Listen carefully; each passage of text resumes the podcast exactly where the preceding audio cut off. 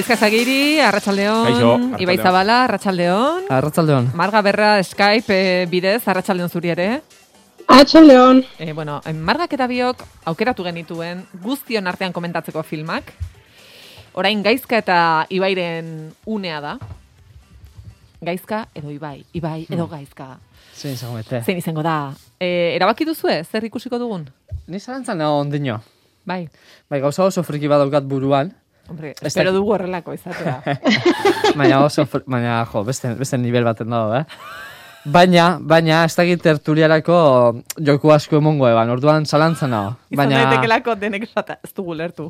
edo, bai, bai, egiz esan ez dauko, joku asko ezin dugu emon igual, eh? Edo igual, bai, igual, bai, ez dakit, zalantzan nago, zalantzan Vale. bin artean. Eh, gaizka? Bai, bueno, nik bizpairu dauzkat buruan. Negi da irizpidea, e, gustatzen zaizkidan pelikulak edo telesaila dira, baina batez ere, batez ere, osea, debatea sortzeko proposamena dira. Osea, leia... Gaizka, Claro. baina badakizu bat aukeratu behar duzula. Bai, Hemen bai, ezin batek- duzu ez, ez, egin, ez, ez. bi esango ditu. Betiko trampa ez egingo, bakarra ekarriko. et. Vale. Eta, eta gaina ez dizu telesaila ekarriko. Ze badakit igual, eh, aste betean edo bi astetan edo telesaila ikustea, ba, ez dela bidezko orduan, segurazki pelikula izango da. Lierni bargutxi, arratsaldeon. Arratsaldeon. Eta lierni ben baldin badago da, eh, erantzuna jakingo dugula. Oso, Ez? Bai, hemen daukat fortunaren gurpila prest, itxaron soinu eman behar diot. Ja, notifikazioa ez iristen, itxartian. Bai, eta deirik ez da ere. pitiklin. Bueno, badoa, eh? Oi, entzuten duzu, ez da? Wow. Badoa!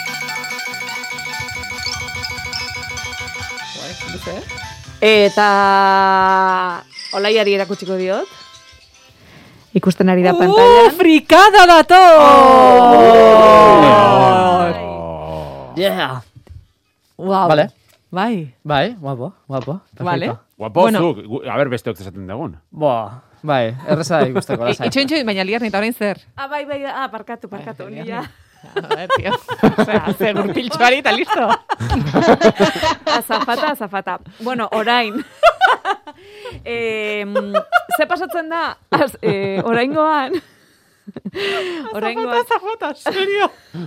Ez da oso azafata, ez da gurpiltxoarena. Bueno, eh, ze pasatzen den? Bai. Ba, eh, oraingoan, bueno, hau egiten duzu beti hilearen hasieran, ez da? Aha. Eh, komentada. Bueno, baina oraingoan izango da hilaren bukaeran. Beraz, Ibai, zure frikada ondo pentsatu, eh, frikada, edo dena delakoa, Zure frikada zuzenean, ja. datorren asterako, Ados, orduan erabakita ekarri, ados. eta ja e, preste izango dituzu hemen ikusleak eta komentatzaileak, eta martxoren hogeita maikan, Eta mar. hogeita marrean, egingo duzue e, guztion artean ba, Bai. iruzkindu. Bueno, zergatik aldaketa Filma, hau bai. kontua da, eh, apirilaren lehenengo astean em, Euskal Herriko itzulia dagoela, eta orduan eh, bai pasa motzagoa izaten da aste horretan, ordu beteko saioa daukagu. Ez da tondo iruditzen. Orduan, eh, badakit bereziki margaren urteak direlako egun horretan. Ai!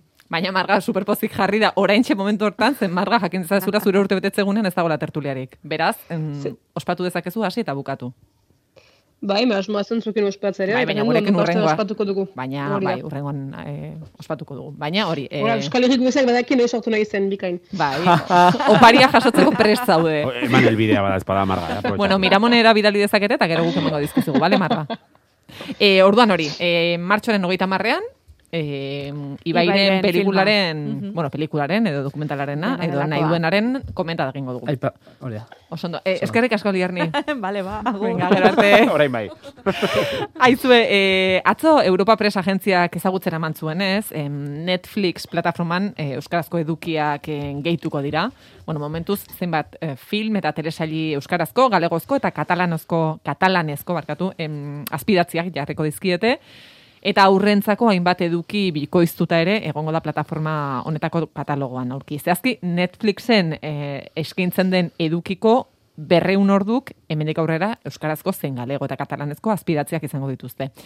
Eta hogei ordu e, bikoiztuko dituzte euskarara. Bueno, datozen izenburu berrien artean, The Mother, Garra, Sandman eta Pinotxo esaterako euskarazko azpidatzi eta bikoizketarekin ikusi ahal izango dira. Bueno, badakigu Netflixen em, katalogoa erraldoia dela eta e, berreun eta hogei ordu, bueno, ez dela asko, baina e, zein da gaizka? Aurrera pauso bat Bai. zaizu? Bai, bai. Aurrera pauso txikiak, oso txikiak badira ere, aurrera pausoa dira. Eta pozgarria da, eta, bueno, urtez urte hau handitzen baldin bada, ba, beti da pozgarria. Egia da, bueno, nik hemen, igual iruzpalau gauza gaituko nituzke. Lehenik eta behin, e, bueno, euskararen presentzia Netflixen konkretuki, e, pantallak euskeraz, euskeraz plataformak e, komunika bide bat zabaldu zuen, eta hor jartzen zuen 0,0 bostetik bat koma bira igo dela, orduan, nahiz da e, e, kopuru aldetik, zuk eman dituzu. Negar dan. Bai, e, titularra potola dirudien, e, euneko koma bat koma bi da euskerazkoa. Gero bestetik, nik hor falta motatzen dut, oso ondo dago eta oso garrantzitsua da, e, batez ere, e, bikoiztu egingo dituzte edukiak eta gero aurrentzako e, proposamenak batez ere hoieta zentratuko dira. Nik hor falta motatzen ditut, aldatetik jatorrizko euskerazko jatorriko, berkatu, jatorrizko e, ekoizpenak sustatzea, alegia hemen Euskal Herrian telesaiak errodatzea, pelikulak errodatzea, Netflixek, Netflixek ekoiztua, alegia Netflixek Euskal Herrian ekoizten duen lehen telesaia, moriartik zuzendua adibidez. Horrelakoak falta montatzen ditut, E, eta gero baita ere, e, bikoizten eta azpidatziekin eta ari diren horretan, pixka lehen mailako estrenaldiak, ez, alegia, e, gaur estrenatzen baldin bada, Better Call Saulen denboraldi berria, gaur bertan, ja, euskeraz azpidatziekin ikusteko aukera. Zegia da, pixkat, be- berriro diote, eh, pozgarria da, eta aurrera pausoa da, baina, ari direla pixka bat, bueno, e, venga, igoko dugu hemen pixkat kopurua, aber, e, pixka lasaitzen diren, baina dira pixkat, bigarren, bigarren mailako e, edukiak, ez dut bigarren mailako edukiak esan nahi, baina ez dira, mundu mailan, e, ez dakit, txipiroiaren bigarren denboraldia esainatzen baldin bada, nik esango dizut, ziur, esango dizuet, ez dela euskerazko azpietziekin. Aterako estrenatzen den egunean. Ba, horrelakoak nik uste ere, bultzatu behar dira. Bueno, horre ere, gero ez dago erabiltzailearen ardura, diot, behintzat ikusten badute, e, jendeak Bai, benetan bai. e, euskarazko azpi idatziak eta bikoiztutako edukiak ikusten nahi dituela, behintzat hori datuetan ere agertuko zaie. Bai. Hori eskaini eta, mm, bueno, erantzuna baldin bada jende asko klik egiten duela hor, bueno, ba, behar bada ze. Diot, batzuetan Bai, bai, ere ez, bai, beste izama jartzen diegula, e, bueno, ba, ba, erakutsi dezagun ere interesa badagoela, ze horre ere egoten da atzo, utzi urkizuri ere hori irakurtzen nion sarean, ez? Norbaitek esan ziola. Eta egingo dute eta egingo dute eta, baina zukero ikusten duzu, ez. Bai, bai, hipokresia Ja. puntu, bai, hipokresia ez erabili nahi, baina ba, badago puntu bat, hor, bueno, Baina, ditxosozko, e, ados nago, ez, zurekin, baina. ditxosozko algoritmo hori ere, ba, horretarako balio dezake, alegi algoritmo horrek ikusten baldin badu, ba, batean, e, 2023an, ez dakit, mila pertsona gehiago batzen dira Netflixera, eta gainera, e, arpide dun, eta gainera euskarazko azpidatziak aukeratzen dituztela, hombre, Netflix izango litzateke lehenengo interes duna Mm. hori sustatzen ez, baina bueno, hor... Zer nipo batez nire nire zalantzak Bai. horreaz, eh? Ze Euskaldunok ez gara asko, berez. Eta Netflixek mugitzen da zen zifra kontuan Ja. eukitza. Eh, Claro, proportzionalki egingo luketela, Claro. imaginatzen dut, baina bai, egia da... Naiztan gure ekin, eh, gogo eta ekimen Bai, bai, bai. martxan jarri, eta Euskalduna batu eta aldi berian ikusi Euskaraz. Bai, Ez dakit eh, nahiko, ez dakit bere nahiko erre, eh, hori dan. Osa, Bai, ez, ez, Bai. ez gira Euskaldunan hitz eta, euska, eta Euskaldunetan ere zenbatek ikusten duten Netflix. Ez, hori da. Bueno, ez da asko. ere Euskaldun... Bai, be, denak ez. Ez, noski, noski, noski.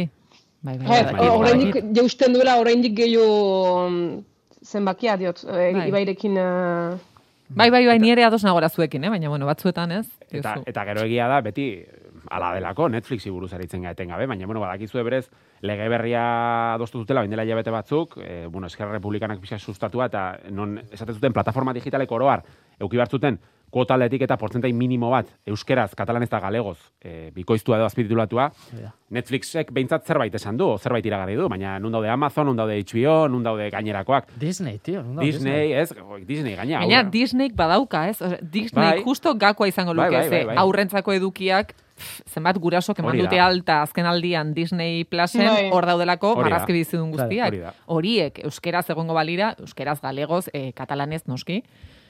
Jo, e, hori da lekua, Bai, bai. ez? Horregatik plataforma pantalla. Hori da lekua ere, noski. Bai. pantalla nahi ditugu euskeraz, ez bakarrik Netflix euskera. Hori da. Orduan ba. Bai, bai. Ondo dago, eh? Baina, bueno, nik Bai. uste asko dagoela. Bueno, espero dugu tertulia honetan, e, zifra honek gora egin duela kontatzea. Bai, bai, bai, eh, bai. hemendik aurrera. e, bueno, Oskarrak gero eta gertuago daude, e, eta beti esaten den bezala, horren bezperan BAFTA eta Critics' Choice Awards sariak eman dira.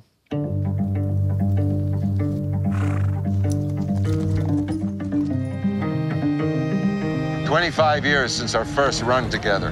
1900 and nothing. It's a long time. Beno, eta e, Oscar sarien galarako amar egun baino gelditzen ez diren honetan, BAFTA sariak eta Critics' Choice sariak eman berri dituzte esan bezala, eta badirudi hautagai nagusia gero eta nabarmenagoa dela, The Power of the Dog, em, bueno, BAFTA eta kritikoen aukera sarietan, film onena eta zuzendari onena bietan, em, ikusten duzue argi The Power of the Dog izango dela garaile nagusia. Nik uste dut baietz. E, izan liteke azken orduko sorpresatxoren bat egotea Oscar sarietan, ze beti egoten dira ez ustekoak, baina nik uste dut Power of Dogek irabaziko duela. Eta gero, e, aipatu dituzun bizari horietan, niri asko gustatzen zidan presentzial e, konkretuki barkatu, e, ezakit entzun dezute, Jane Campionek eman zuen diskurtsoa, e, saria eman zioten, eta publikoan, ez, ez naiz gogoratzen BAFTAetan edo Critic Choice Awardsen zen, naiz gogoratzen orain, baina bideoa sarean daukazue, eta publikoaren artean, bueno, ikusen artean, Serena eta Venus Williams zeuden, tenislariak.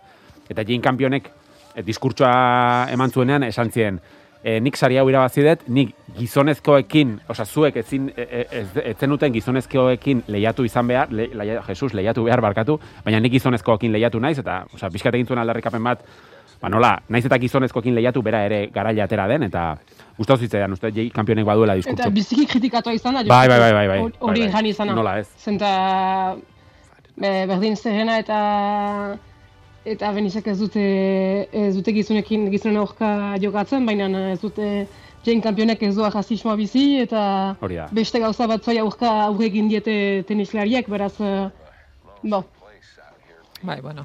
Bai. Kritikak beti, ez? bai, bai. Emakume bat saria jasotzen, kritikak mm, ia ia bermatuta daudela esan genezake. E, mesedez, jendeak, Jane Campion esan dezala, ez? Jane Champion. Nola? Jane Champion deitzen diote askok. Ah, ja, bai, bai, bai. Ez da. Jane Campion. Ez da, Eh? ez da, Ez da champion. Bada, baina baina erabizen, mesedez. Mesedez ariketa bat egin dezala jendeak, e, saridunen abizenak ez dira inkomplikatuak, e, gero zailagoak esaten ditugu. Bueno, e, ikusiko dugu zer gertatzen den em, sari banaketa honetan, Oskarretan, hitz egingo dugu noski, hau gertatzen denean, naiz eta egia da, mm, tertulia honetan, Oskar zaleak ez garen, geroz eta gutxiago, azerre gaude eurekin. Baina nik, bada gaur bereziki, zuekin jorratu nahi dudan gai bat, e, niretzat izan delako, aste honetako mm, polemika, eta aste honetan bereziki, bueno, jende asko piztu duen gai bat, eta gainera gaizkak, em, jakin gabe guk gai hau jorratu nahi genuela, em, bere zer ikusien artean ekarri du. Beraz, trailerra entzun dezagun, eta mm, ardi ezaiogun honi.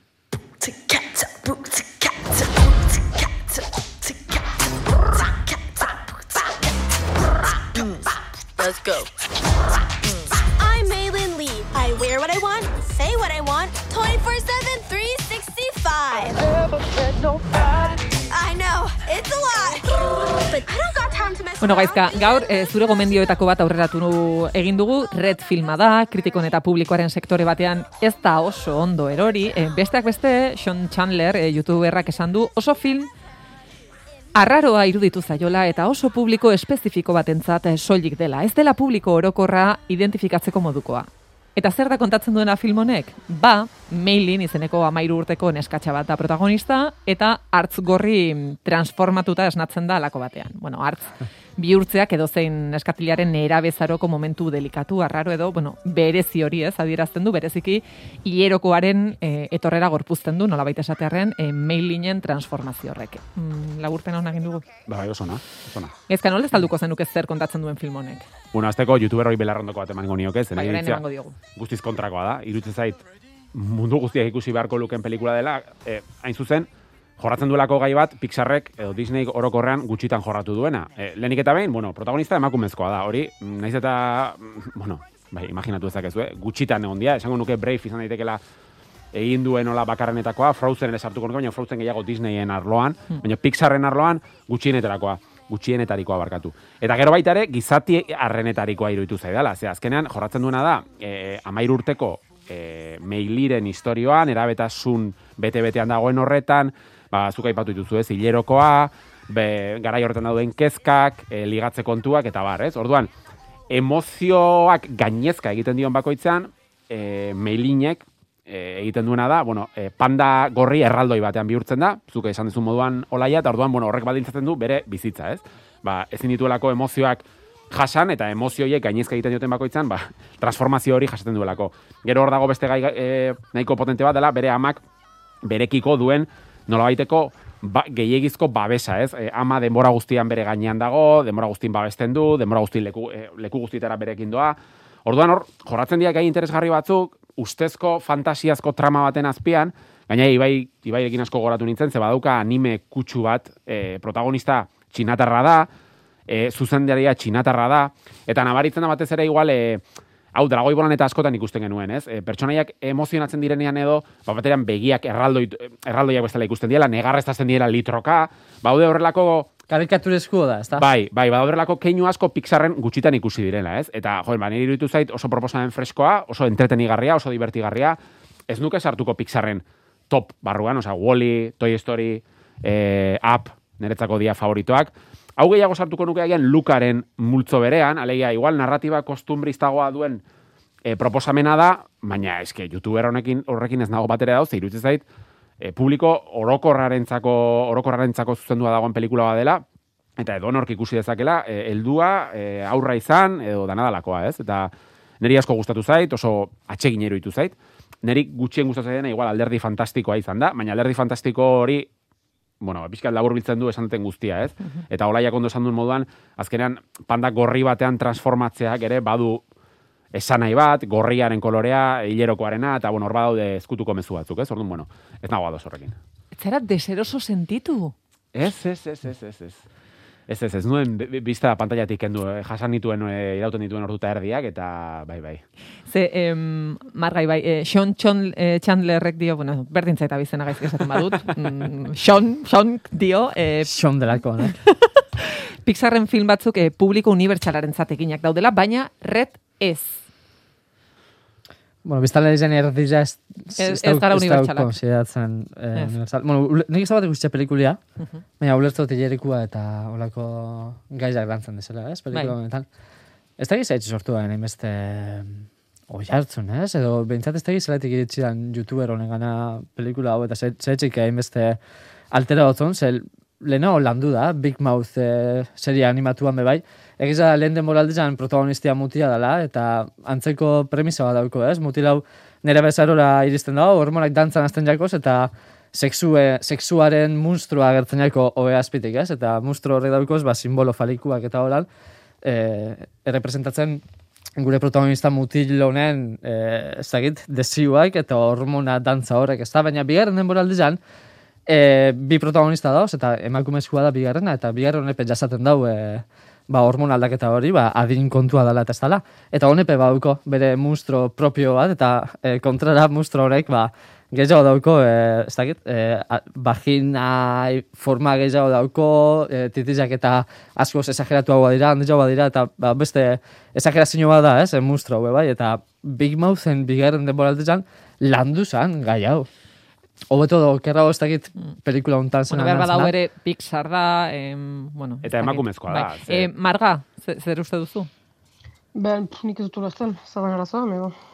Fe, ulert, fe, ul- ikusten dut oraindik badela bidea egiteko eta hori gai horiek e, normalizatzeko eta eta agian e, be, ohituko dira, e, Chandler dezakit e, tipo horiek eta e, be, bai, be, hilabetekoak aipatzea eta be, pff, pixkan nekadagia da hori oraindik gai bat izatea, baina e, bon, be, Bai, kontua da, saretan sartzen baldin bazara eta jendearen iritziak e, e, irakurtzen badituzu, e, konturatzen zarela, e, Chandler, Chandler, hau, e, Txelder ez, favorez. bueno, ez dela bataja. Ah, Baina bai, bai, bai. Chandler idazten da, baina bueno, berdin dio, ez dela bakarra. Ez, ez, ez, ez, ez da bakarra, ez da bakarra. Ez, ez, Zan nahi dut, orain, eh, honen bideoa viralizatu delako eta horren arira eh, jendearen... Horgatik, e, bai, hor esaten zenuenean, e, hilerokoak gero baduelako beste karga bat, esan nahi dut, e, jende askok zikintasunarekin alda, e, lotzen du, e, ez dut zergatik hilerokoarekin zaudela jakin behar. E, e, orduan, hor, mm, nik uste badaudela deserosotasun horretan, ez? Deseroso sentitzen direla esaten dutenean. tabu bat delako. Hori da, hori da. Baina alare, gainez. betidanik bai, tabu bat bezala aurke... Hori, ez, betidanik tabu bat bezala aurkeztu izan digutelako, gu- be, gure gaztetan, uh, voilà, aipatzen etzen zerbaitzen, edo gutxi aipatzen zen, edo, bora, aski, aski berria da, uh, erabat ona, ah, be, gara jauetan, uh, ebe hor premenstralea naiz, edo hilabeteak uh, ditut orain, edo, be, eta horrek nire, nire ziklikoa naiz, beraz horrek nire be, eragina du, nire lan egiteko moduan, nire ahematzeko moduan, eta bon, be, hori badira hainbat uh, ikerketa, fe, zientzik, zientzi, zientziatik uh, frugatua da, eta eta ala da, beraz, uh, behar da, be, ezakit zenbat uh, mende, uh, tabu edo isiltasun uh, uh, ditugu atzen, beraz, horren aurka egin zen, hor- eta beraz, olako, uste dut, olako uh, filmekin edo, bai, piskat bidea egiten da. Bai, eta giza bai, bai guk eh, gizonezkoek ulertuko ez dugun zeu zer dela, eta sekula ez dugu ulertuko zer, zer eragiten daben horrek, ez? Ze material aldaben baldintzatuko nirekuan, ze materialeko mina dan, ze, ze, zer baldintzatzen daben, ez? Da, orduan, fikzioa bada herramienta bat, edo baliabide bat, eh, honek kondizionaten daben dana adierazteko, ez da? Da, igual, biztanleri izen erdizak pairatzen daben hori, guazen beste erdizaria saltzen, zer da hau, zer da hau, eta zelan eragiten da hau, eta zergatik. Bueno, eta bereziki, e, Pixarren produktu bat izan da, e, nerabe askok ikusiko duten zerbait delako, eta eurentzat ere, e, beraiei gertatzen ari zaizkien gauza, gauza asko ulertzeko ere, baliagarria delako. E, ez dakit, e, Chandler hau e, aita ere baden, baina esan nahi dut izan dezake alaba bat, eta alaba horrek ere momentu batean e, behar bada bere aitari ez dizkio galdetu nahiko hainbat gauza, eta mm, behintzat erreferentziazkoak beretzat izan daitezken produktuak sortzea beti da interesgarria. Bai. Bai, Bai, de, dena den, hemen ari gara etengabe eztabaidan hilerokoaren kontuarekin, eta eh, esan behar dizuet, eh, trama orokorren hilerokoaren gaiak duen pisua dela, ez dakit, bost minutukoa. Osea, Aha. ez da pelikula osoan zehar hilerokoaren Ie, gaia. bai, E, gehiago da, Bai. ba, pixkat orokorrean, e, nera bezarotik heldutasunera jauzi hori islatzen du, eta esango nuke gehiago islatzen dela, e, bueno, lau kideko kuadrilla bada, neska honek e, beste hiru lagun dauzka, eta bere, behien ametsa da, estatu batuetatik datorren musika talde bateko kontzertu batera jutea, ez? Eta orduan, pixkat horrekin irudikatzen dela iruditzai. Egia da, e, hilerokoaren kontua hor sartuta dagoela naita, baina ez du berez sekulako pixua traman. Orduan, bueno, ba, Chandler, hor Chandler honek, ba, bueno, ikusi ez da la pelikula, Ba, ez du ikusi. Orain gutia ulertzen duzu zergatik hainbeste, bai, hainbeste... bai, bai. bai, bai. E, nik albistea eta polemika irakurri arte, enuen esan, ai, egia da, hilerokoaren aipatzen da pelikulan, osea, esan nahi, ez da hilerokoari buruzko pelikula bat, inondik inora ere, osea, jo, aipatzen da, baina pasadaz, eta, bueno, ba, dauka bere garrantzia, nerabea delako, eta, ba, justo etapa horretan dagoelako, baina, listo, osea, ez dakit. Bai, bueno, e, gero egia da gero sareetan badaudela oso graziosoak diren txioak, beti bezala oso parregarriak diren txioak, ez, eta em, ba, jendeak esaten duenean, claro, eski kosta egiten zaizu sentitzea zurea bezala em, empatizatzea hilerokoa duen amair urteko neska batekin, baina ordea Batmanen e, krisia, bua, tio, eski, ni naiz, Hau betikoa eh, ez? Ja, bai, benetan, hostia. Izango balitz, amairu urteko gizonezko bat, e, bere lehenengo, ez dakit, masturbazioari buruzko zerbait, dena ze guaia dan, ze esto, ze barregarria, ez dakit, litzateke kritikatuko, betikoa da, da, emakumezkoa delako, hori, eh, ez daukat inolako zalantzarik, bai, bai. Bai, baina bereziki hori neri grazia egin zian, Ah, horrek ez, bai. bai, e, superheroiak, Bai, eta, boa, eta bai. jendea sentitzen da superidentifikatuta, ez? Ua, pff, Lord of the Rings, ni, eh, Frodo naiz, ez, ni Gandalf, ez, ni... A ver, Lord of the Rings. Terreno, terreno arrezkutxoan sartu zara, baina bai. Ez, ez, bai, ez. Maskarillak Eh, ni- dardarka egin dio, eh? ez, ez, ez, nik argi dut Lord of the Ringsen nor izango nintzateken, baina esan nahi dut, no, noski beti identifikatu zaitezkela no, zerbait, Bai, baina gero, eh, benetan gertatzen den egoera batekin identifikatzea eh, kontuz, gizona naiz, eta... pff, Eh, Ba, bai, ez, ez, ez sartu... Gizarte honen Bere gabeziarik handienetakoa maskuntera empatia falta da, eta empatikoa izan behar Ai, ama. En fin, bueno, eh, guazen zure go- zuen gomendio gehiagorekin. Eh, redekin hasi gara gaizka, em, Pixar alde batera utziko dugu, eta segir ezagun ikusi duzun gauza gehiagorekin. Ados. Hau, eh, ez da aste honetan ikusi duzun guztia, baina eh, bailaginik onena? Bai, onena edo behintzat aipagarriena gauza askorengatik, bai. Vale, bai. entzun dezagun lehenengo gerra hemen hasten da.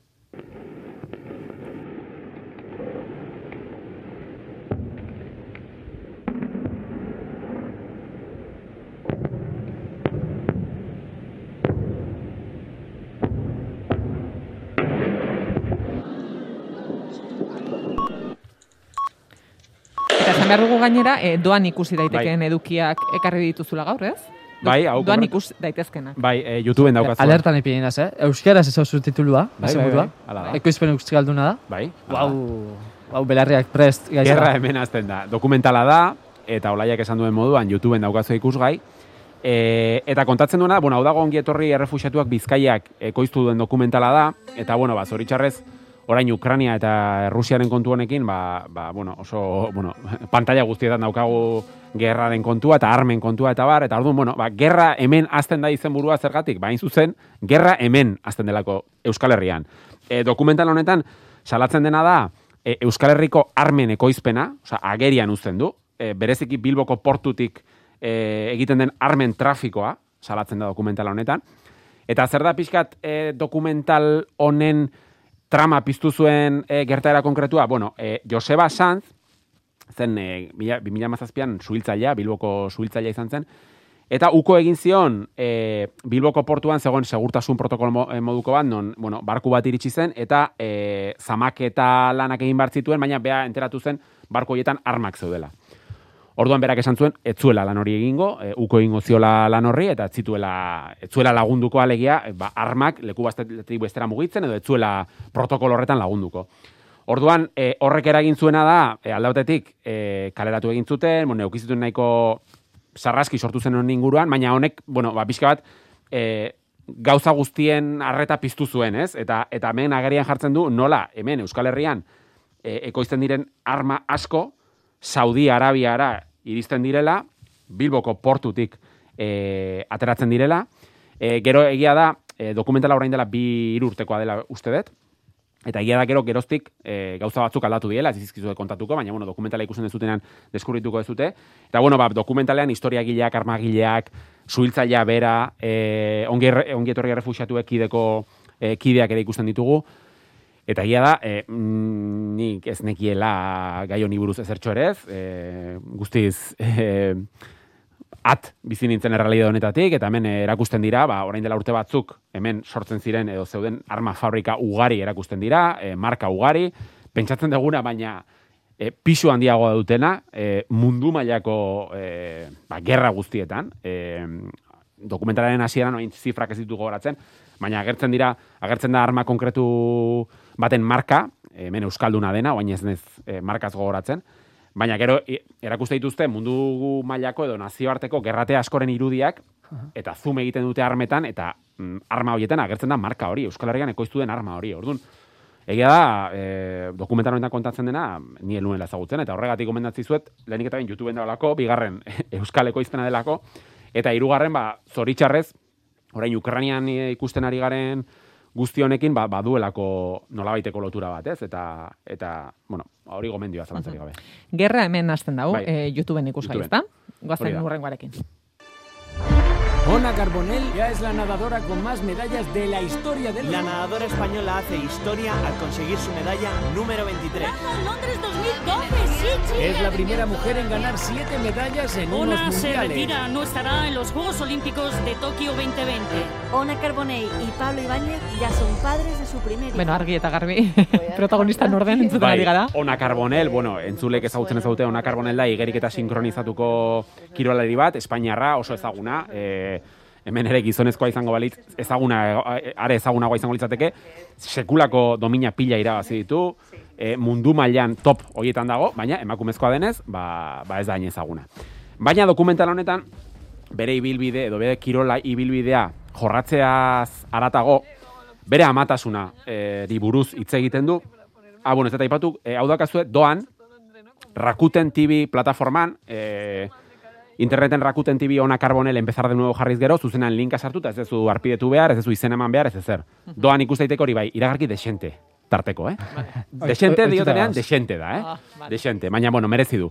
Merezi du zergatik, bueno, lehenik eta bin, aitortu behar dizuet, zinematografikoki eskas xamala, eskas xamarra iruditu zaidala, alegia, nola dagoen grabatuta, e, askotan planoak eta kamerak, eta, kamera mugimenduak eta bar, osea, oso traketxa dira, nabaritzen da, ba, berak bere etxean mugikorra hartuta grabatu duela bere burua, alegia, ez dagoela lanketa zinematografiko oso sakon bat, baina, e, egia da, enaiz horre, enaizela horretan fijatu, inongo momentutan, eta hori izan dela pixkat, ba, tertulia honetara gomendio hau ekartzerak orduan, ba, pixkat traba bat atera behar nuelako, ez? Beti atera traba bat. Baina gaia, hain garrantzitsua eta hain potentea iruditzen zait, eta gainea, bueno, e, badakizue, e, oain dela urte eta erdi ni aita izan nintzen, eta ez dakit zer den zuzenean ama izatea, baina, bueno, nire bikotearekin egin dut pixkat amatasunaren ibilbide osoa, Eta dokumental honetan erakusten duena da, e, goi mailako kirolari eta gainera ama izatearen edo uztartzeko nahi horren e, zailtasuna, ez? Ze ona karbonelek e, helburu bat zuen, zela Tokioko joko olimpikoetara joatea, baina justu aurra izan berri zuen, Eta orduan dokumentalean jorratzen dira gauza asko, ba, zaintza kontuak, edoskitzea, e, gauza asko ikusten dira, ez? Ona kar karbonelek gainala salatu zuen, ze justo guzti hau gertatu zen e, pandemia garaian. Nola Tokiora jun nahi zuenean, e, bertako e, gobernuak baldintza bat jartzen zuen, aurra eramateko, ber, e, aurra eta bere bikotea egon bartzuten hogei egunak hoteletik atera gabe, e, ba, garai hartan e, arau hori- horiek zaudelako, eta gero berak esate zuen, a ber, nien naiz jungo Tokiora, eta nire bikotea eta nire aurra hongo dia hogei egun gelatik atea gabe. Orduan, uko egin behar izan zion, edoskitze naturala emateari, horrek suposatu zuen eragin guztiarekin, e, pff, nire iruditu zait oso, oso gai potentea, oso ez ezaguna, niretzako behintzat, Eta lehen esan dizuet, bueno, pixkat hori, ez dut egin hemen e, zea esan nahi, baina, bueno, hain dela urteta erdi izan nahi zaita, eta hemen galtzen dian estena askorekin oso identifikatua sentitu naiz, naiz eta nik zuzenan ez ditudan bizi, baina bai nire bikoteak. Eta iruditzen zait, mundu guztiarentzako gomendioa den arren, bereziki, ba, gurasoak izan baldin mazate bain dela gutxi, edo izan behar baldin mazate, edo dena delakoa, jorratzen dituela gai interesgarri eta potente batzuk, eta nik uste pentsarazteko modukoak. Orduan, nik gomendatzen dizuet dokumental hau. Ona Carbonell, eh, empezar de nuevo, Bai. eh, Rakuten TV. Bai, bai, plataforma mm, raro hori. Bai, bai, Rakuten, bai. ez ematen du oso, oso vintage bezala. Bai, bai. Vintage, nik aliexpresea harreman zota bat. bai. Izena, ez dakit, Rakuten, eh, ematen du ez dakit. Bai, Bueno, bueno. igual du. Em, Guazen irugarren edukiarekin.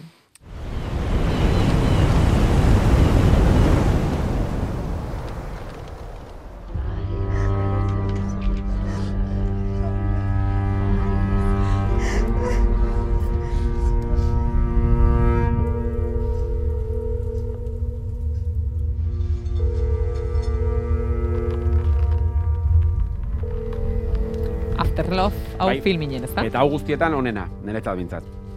Zergatik ikusi e, dokument, e, barkatu pelikula hau, lehen aipatu ditugun BAFTA sarietan, irakurri behar dut, Joana Scanlan, zoritxarrez ezagutzen ez nuen aktoreak, e, emakumezko aktorenaren saria irabazi duelako BAFTA sarietan pelikula honengatik, orduan betxatu nuen, jo, ba, normalean gustatzen zaitez, e, sarietan eta izendatzen dituzten pelikulak edo aktoreen pelikulak ikustea.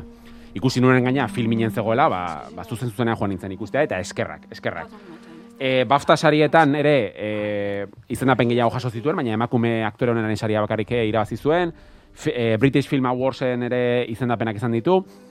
Eta iruditu zait oso oso oso oso, oso pelikula potentea.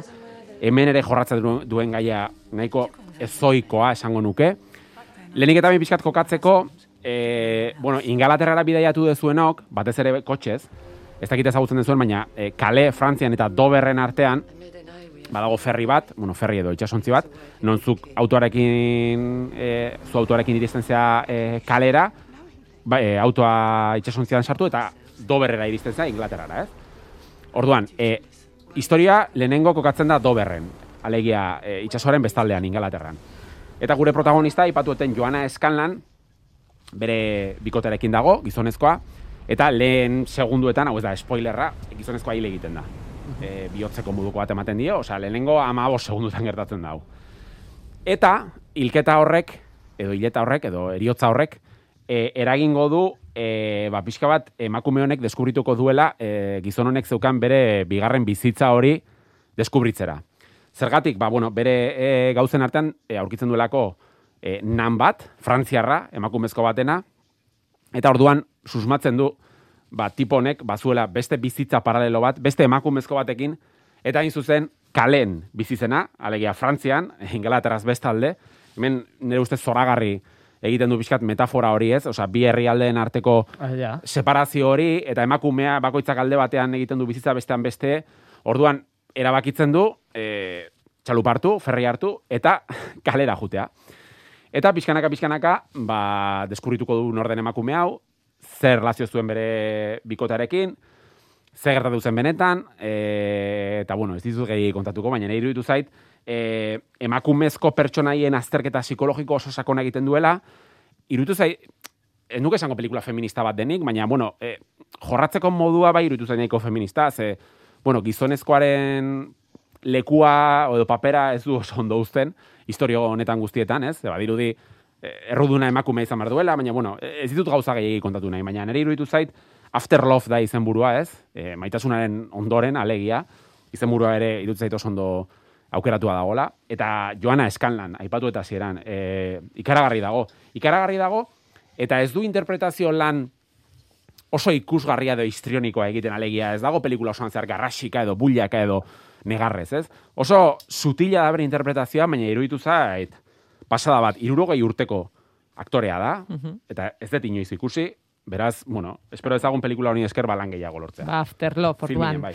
E, Marga, bagoa zure mm, gomendioarekin, entzun dezagun.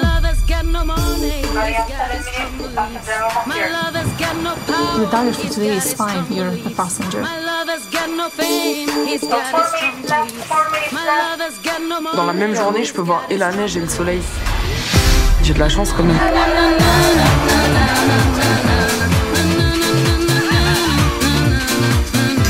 Si je vomis, je vais vomir en jet.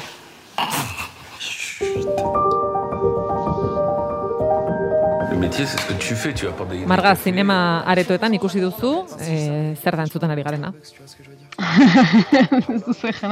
Rien à foutre.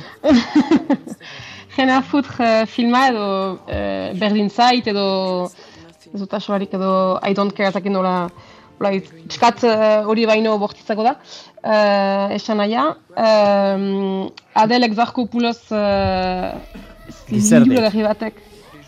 Zer? Dizerdit. Ez, ez, ez, marra, marra. Ah, bak, ados, bai. Bo. uh, Mileska egitzulpenagatik. Uh, le, Adelek Zarkopulos, uh, uste dut, uh, buruan duzela norden, berak, uh, bera izan zen uh, La Vida Adel, ade, uh, de, diz, uh, kesixen filmaren uh, protagonistaetako bat. Beraz, berak, berak du lehen uh, pertsona nagusiaren uh, papera gorpuzten, eta zoro, fen, zinez biziki ongi egiten du.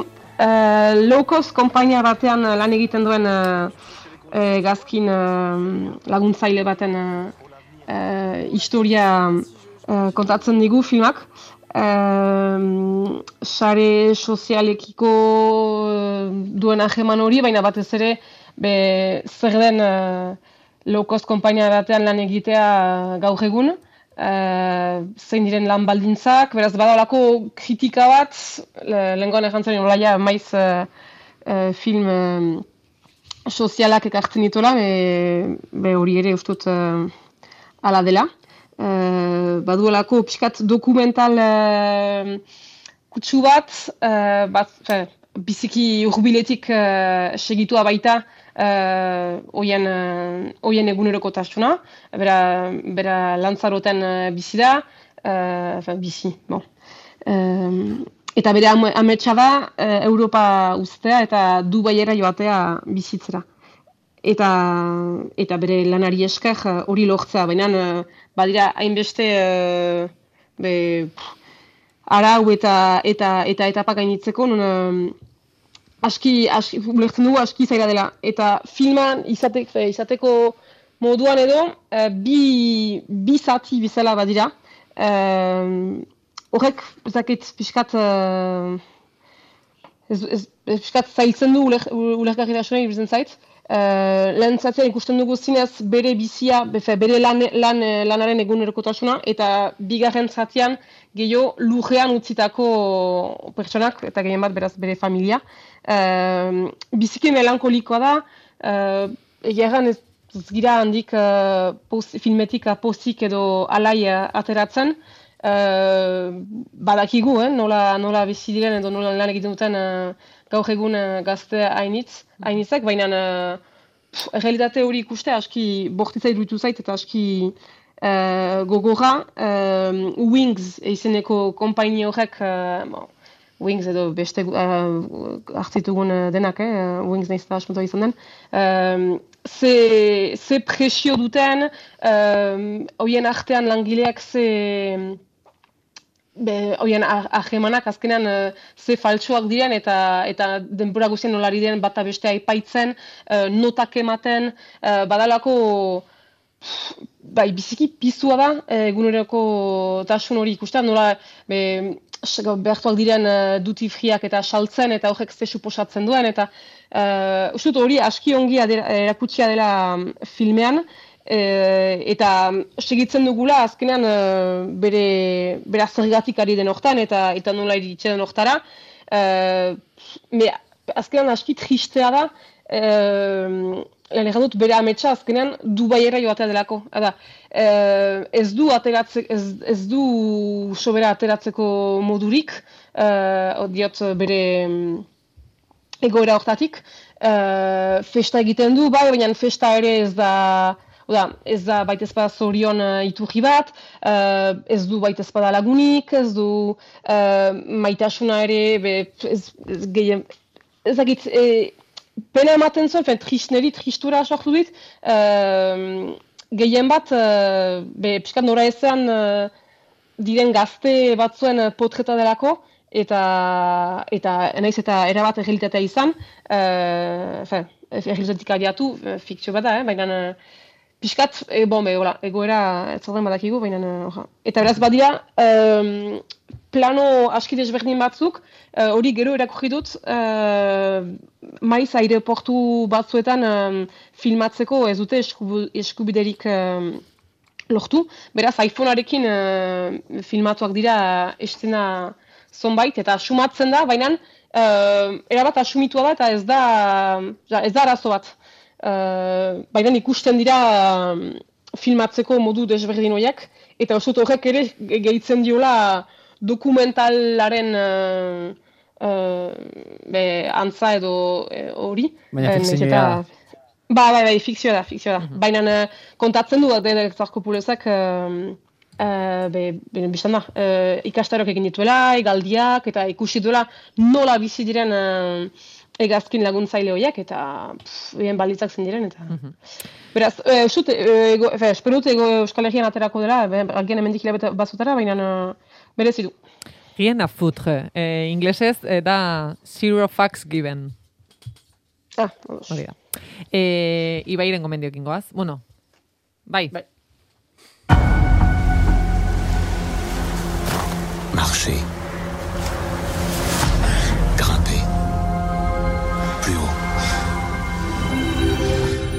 Ibairen gomendioa. Gainera zu zalantzarik egin. Bai, bai. gomendioa da. Zalantza bai. Eh, jatorri, o sea, ikuizpen frantziarra da, eta jatorrizko titulua frantsesez da, baina ez dugat, o sea, apuntatuta, eta eukiko banean apuntatuta bez, no? Eh, ondo Nik, hemen daukat, eh, lesomet de dier. Eta kastelera da bikuzuta hori gailurra, ez? Hori da, euskaraz, hori da. Eh, Netflixen La Cumbre de los Dioses muan aurkituko zu, eh? Ekoizpen frantsesa da, baina manga japonez baten oinarritzen da historia, Eta zoritxarrez, ba, animazioa ez da hori trasladatzen. E, manga edo, edo anime japonez batetik datorren historia ez da trasladatzen.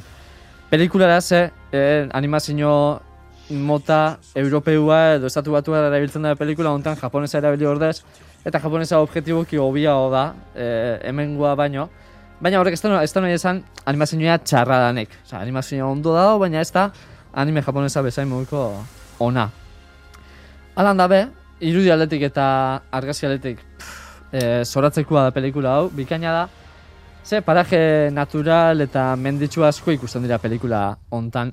Zer kontatzen da pelikula hontan, ba, bueno, protagonistia da e, kasetari barra argazkilari bat, aldizkari baterako argazkiak getatzen da zen kasetari japoniar bat, eta bigarren protagonistia edo protagonistia da alpinista edo mendizale profesional bat, e, apurtxo bat e, amabi urtean zehar bere piztiak galduta da ona, komunikabideak eta ez dauke bere berrei, baina zurrumurruak dauz, ba, proiektu garrantzitsu bat prestatzen da hola, menditontoren bat igo nahi dau, mendizen alderdirik arriskutsuenetik eta saienetik, ez da, oksigenuarik eta, ba, bueno, alpinistak euren buruari jartzen erronka e, horrekin.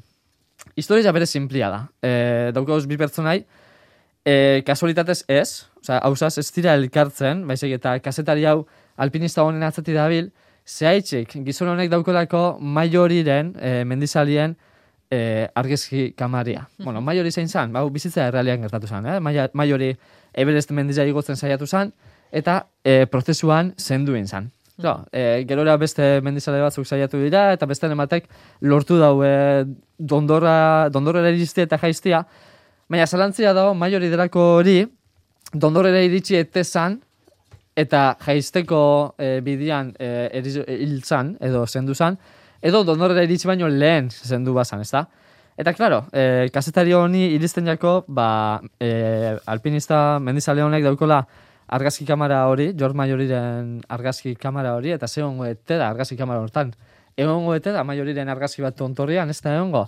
Ba, bueno, azkenean, e, alpinismuen historia aldatu alda ben art artikulo bat e, idazteko aukeria ikusten dago, ez da? Claro, nire moduko milenialak eh, kontratu bir gara, hortan ez da ez eguaz ala, gaur egun da baliabide komunikatiboak, ez eguan interneteik, ez eguan mugikorreik, eh, telefono fijuak eguazan, eta hori justo-justuan. Orduan, eh, kasetari honek itzen da ikerketia da, pf, bueno, insanua. Osa, kasetari honek itzen da ikerketia da, bueno, eh, magnitude handikua, e, pertsona honen familiaren gana gerturatzen da, galdetzen da unun ete da hon, ba, batek ez dakin nun ikusi dau, bertara bidaiatzen du fizikoki, galdetzen juten da. Eta hori ikusten da, ba, ikerketa pelikula bat moduan, eta zu protagonistiaz batea zuiaz ikusten e, misterizua zelan doian argitzen, ez da. Historia simplia da. E, mendizale honek mendiban edo igo, kazetari honek bere bizitzako artikuluan idatzi, eta nahi eta nahi ez, bi pertsona honek elkarlanian jardun bir dabe, ze mendizale honek argazilari bat bir dau erakusteko mendi hori godabela, eta kazetari honek edo argazilari honek bir dau bere, berak daukon majoriren argazki hori, ez? Orduan nahiz da eurak esan eman oso ondo, eh, elkarlanian eh, jardutera behartuta ikusten dira euren karrera profesionala dela, dela eta ez dela. Ez moduan, historia da simplia da, baina manga japonez baten dago oinartuta. Zer da berizgarri japonez, eh, manga japonezetan? E, barne gatazkak eta pertsonaizen izaerak, e, nondi dator pertsona hau, zergatik da hain bordia, zergatik da hain gaiztua, zer gertatu jakon. Bueno, badaoz flashback batzuk, horrek asaltzen da bezena, eta dira trasfondo eta e, bueno, sakontasun handia dauken bi pertsonai. Inmersiua da pelikulia, oso inmersiua da pelikulia, aspaldien bada disfrutatzen egin beste pelikula hau ikusten, gogoratu Instagram adiktuan azela eta ala eta be, etxian ikusten daula ez nebala atera mugikora momentu baten bez, Orduan, bai, e, zalantza barik e, gomendioa dela esago neuke. Ai, ama, ba, hau izan, hau izan ziteken orduan guk ikusteko modukoa. Hau izan altzan, zeu ikusteko modukoa, baina hau ez da niri... Ez dakit, neu beriz garritzen damen pelikula bat. Ja. Osa, ez dan... Zer bilatuko duzu? Zer bilatuko duzu? Zer ari zara pentsatzen? Mo, kriterizua da, e, zuen bizitzan ikusi zuen gauza frikizena gomendatzea. Vale, gustatzen Bai. zait. Bai. Eta aldi berian, e, bueno, ikuste erraza izatia daukola. Konduz indarkeriarekin. Ez, e, indarkeri Bai. oso koreografiatua da buruan daukaten pelikulia. Osea, Oso, indarkeria Baldintzak esaten duzunean. eh, hartzen ari Aizu, a eh. ber, guk baldintza, ez, guk gure iritzia botatzen dugu, eta gero zu egingo duzu horrekin nahi duzuena. Oh, egia da, egia da. Osea, hori eh, argi eta Egia da, garbi. Egia da. Bai, ez, e, bueno, kontsolatzen bautzue buruan daukaten pelikulia behintzat, e, ordu erdi irauten dau, bakarrik. Ordu erdi? Ordu erdi irauten dau, bai. Vale. Baina aspaldi, bai, aspaldi ez, ez, duela asko ikusi da, baina ikusi nebanean, neu begatu nintzen, bukatu neban pelikulia eta zan neban, zer? Zer Vale. ikusi hot? Vale. Ha, oso guapa da, pelikulia oso Vale. guapa da. Ni, bira, nik, eh, sentsazio hori, eh, bere garaian, eh, pentsatu nonek, eh, nere mm, eduke aukeratu behar nuenean, aukeretako batzen Mulholland Drive. Zuek Ah, bai. ikusi duzue? Mm, mm. Eh, gaizka suposatzen Ba, ba, baiet, bai, baina bai, bai. margazuk, Aspaldi. aspaldi. Uste dut dela, eh, zuki baiez. Ez. Ba, ne, Ah. nere irizpidea horrelako horrela hortik jungo da. Bai. Ez da Mulholland Drive izango, baina era horretako pelikula bat eh, garri nahiko nuke, bai. Vale. Molako klasiko bat, ez? Klasiko bat eta batez ere, Eh, bueno, Bukatzen dela Mulholland Drive duzu, eh, zer? Eske, Bai. eh, ne, hori esan duzunean, diot, nik uste dut neri lehenengoz eh, sentsazio hori eragintzi dela Mulholland Drive-ek. bai. Zer galdera hori alda izan, e, zentzu positibo baten, ez da? E, zer ikusi hot, baina, ba- baina barre artean esatezu, ez? Zer? Eta igual, badoz beste pelikula batzuk, e, igual Doni Darko etortzenia burura esatezuela, zer ikusi hot? Baina tonu aldatu itzen da. txi. Doni Darko kritikatzera zatoz? Ez, ez, ez, ez, ez, ez, uf. Zodiak bi izan martzuen jau, eh? Ez, ez. ez. Gustatzen, ja, gustatzen Doni Darko. Baina pelikula ikustu zunean, erantzuna da, zer? Bueno, bai, egia. Eta nik gomendatzen atorren hau da, eh, gehiago da, what the fuck. Vale? Hori ez da izan euskara Bai, datu. bai, Bai. What, Bai. what the fuck. Ba, Mulholland Drive what the fuck erraldoia da. bai, bai, eh? Osea, Mulholland Drive, David Lynch bai, eta, bai, bai. bai, bai, eta Ireiser Head, eta boa, Lynchen filmografia ekarriko bagenu, bueno, kenduta bizpairu pelikula, Dune. bai, Dune, eta, bai. ez, baina... eh, Sentsazio hori... Nik esango nuke aspaldi ez dudala izan zuek, eh, sentsazio hori... Baduzu azken aldian Mm. zinean? Ez, egia esan, eh, azken aldian, eh, ez dakit, bueno, igual, eh, gehien nola guztu zaidan azken aldian Batman izan da, baina, eh, oso, e, ez dut esango epe luzen hauten proposamena diala, baina ez nago la bereziki emozionatua zerrekin, pelikulen arloan, igual telesaietan gehiago, baina Bai, egia da, niri gustatzen ezkidala era, era horretako pelikula. Ez que ez dakit atiketa jarri polemikoak, ez dira polemikoak. Ez, ez, ez, horrela, e, bai, em, Baina, sentsazioa da, ber, Mulholland Drive-ekin sortu zuen, Mulholland Drive-ek sortu zuen polemika, ze batzuk uste zuten eh, adar jotze bat zela, beste batzuk uste zuten ez dakala zentzurik, beste batzuk maite minuta bukatu zuten. Alegia, pixkat, eh, inor repele ez dut, eh, usten ez duten proposamen horietakoa, aspaldi ez dutela ikusten hori egia da. zuri edortze zaizu burura, zure what the fuck Bai, bat? areneiz, bai, pentsatzen, me, hola, zinez, eh, eh? Zer? Zer pasa da? Eh, ez dut buruan ez, azken, azken aldian aipat, eh, aipatzitudan filmak eta, be, bai, unkituan, asian, egizun zian, me, ez dit sortu olako, mm, azkenan, espero ez zinuen zerbait edo ulertz, fe, bai, ulertzea zaila zaizun zerbait. Beira, azkeneko baina etorri zai, hain izan atzera begira bat eginez, eta gaina ekarri behar nuen, eh, komenta dara, baina azkenan ez dut ez ekarriko. Under the Skin pelikula, 2000 amaz, ez dakiz, amabost, amasei. Jonathan Glazerek zuzendu eta Scarlett Johansson protagonistetako bat. E, bueno, ikusi nahi bat usted filminen da, hola? Ah, bai, Hori bai dela, what the fuck, erraldoia, eneri asko gustatzen pelikula da, eta hori ekarri behar nizuen, baina ez, erabakiet beste era Bira, bateko. egin dezakegu ariketa hori, beste egun batean. Pentsatu behar ditugu, eh, what the fuck, what the fuck. bai, eh, edukiak. Vale, ados ondo. Bira, izan leike, eh, ibairen egunerako. Ze ibaik proposatzen du horrelako eh, izango dela ultra Ados. frikada bat eta bera geratu zela what the fuck pentsatzen. Hori da. Orduan, em, guk komentada egingo dugu, baina horren ostean, eh, beti esaten dugulako, ba, behar bada gaiarekin zer ikusia duten, ba, beste eduki batzuek ekartzen dituzue batzuetan, hor botatzeko hau esan eta zer datorkigu burura. Bikain. Bueno, ba, hor botako ditugu Vale, gure what the fuckak. Oso ondo. Losten bukaera izan ziteken. Bai, bueno, ez. Osea, bai, what the fuck bezala uzten dizu, baina ez da, ez, ez. Niri oso light iruditzait lost, konparatuta buruan dauzkaban beste batzuekin. Nire ez edortzen adibide bat bera bestia. Momentu hontan.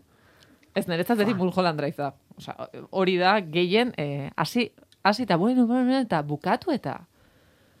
Ze? Bueno, ditxo, hostia, ikusen aleko izpen... Eh, Hogei segundu dituzu, Frantzes bat. Eh, irreversible deitzen da gazte. Ah, bai, bai. Hori da, what the fuck, konstante bat, baina pelikulian zehar.